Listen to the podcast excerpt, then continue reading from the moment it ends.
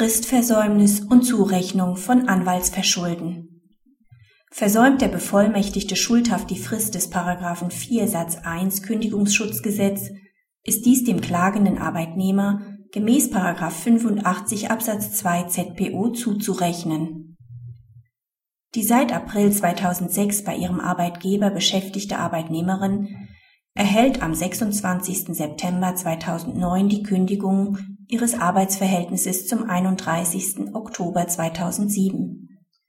Der am 28. September 2007 beauftragte Rechtsanwalt versäumt die fristgerechte Erhebung der Kündigungsschutzklage. Dies erfährt die Arbeitnehmerin auf Nachfrage am 2. November 2007.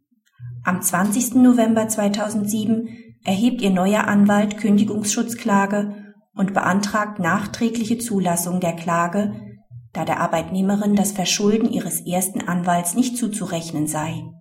Dieser Antrag bleibt in allen Instanzen erfolglos. Paragraph 4 Satz 1 Kündigungsschutzgesetz stellt eine prozessuale Klageerhebungsfrist dar, so dass der Arbeitnehmerin das Anwaltsverschulden gemäß Paragraph 46 Absatz 2 Satz 1 Arbeitsgerichtsgesetz in Verbindung mit Paragraph 85 Absatz 2 ZPO zuzurechnen ist. Paragraph 85 Absatz 2 ZPO ist weder auf bestimmte Arten prozessualer Fristen beschränkt, noch setzt Paragraph 85 Absatz 2 ZPO ein bestehendes Prozessrechtsverhältnis voraus. Es genügt bereits das Bestehen eines wirksamen Mandats im Innenverhältnis. Die Verschuldenszurechnung stellt keinen Verstoß gegen die Rechtsweggarantie des Artikels 19 Absatz 4 Grundgesetz, die Gewährleistung des rechtlichen Gehörs nach Artikel 103 Absatz 1 Grundgesetz oder das Rechtsstaatsprinzip des Artikel 20 Absatz 3 Grundgesetz dar.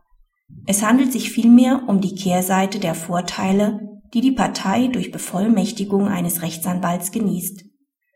Die Zurechnung ist Ausdruck des allgemeinen Rechtsgedankens dass eine Partei, die ihren Prozess durch einen Vertreter führt, sich in jeder Weise so behandeln lassen muss, als führe sie selbst den Prozess.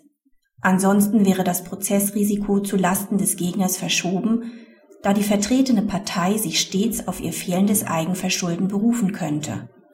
Die Zurechnung nach 85 Absatz 2 ZPO dient folglich in erster Linie der Rechtssicherheit und Klarheit.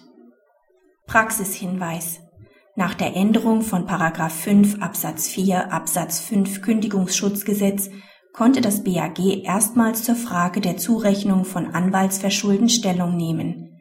Die Entscheidung ist zu begrüßen, dient sie doch dem Interesse des Arbeitgebers an einer möglichst baldigen Klarheit über den Fortbestand des Arbeitsverhältnisses. Die Verschuldenszurechnung führt zu einer gerechten Verteilung des Prozessrisikos, zumal der Arbeitnehmer zumindest Regressansprüche gegen den Bevollmächtigten geltend machen kann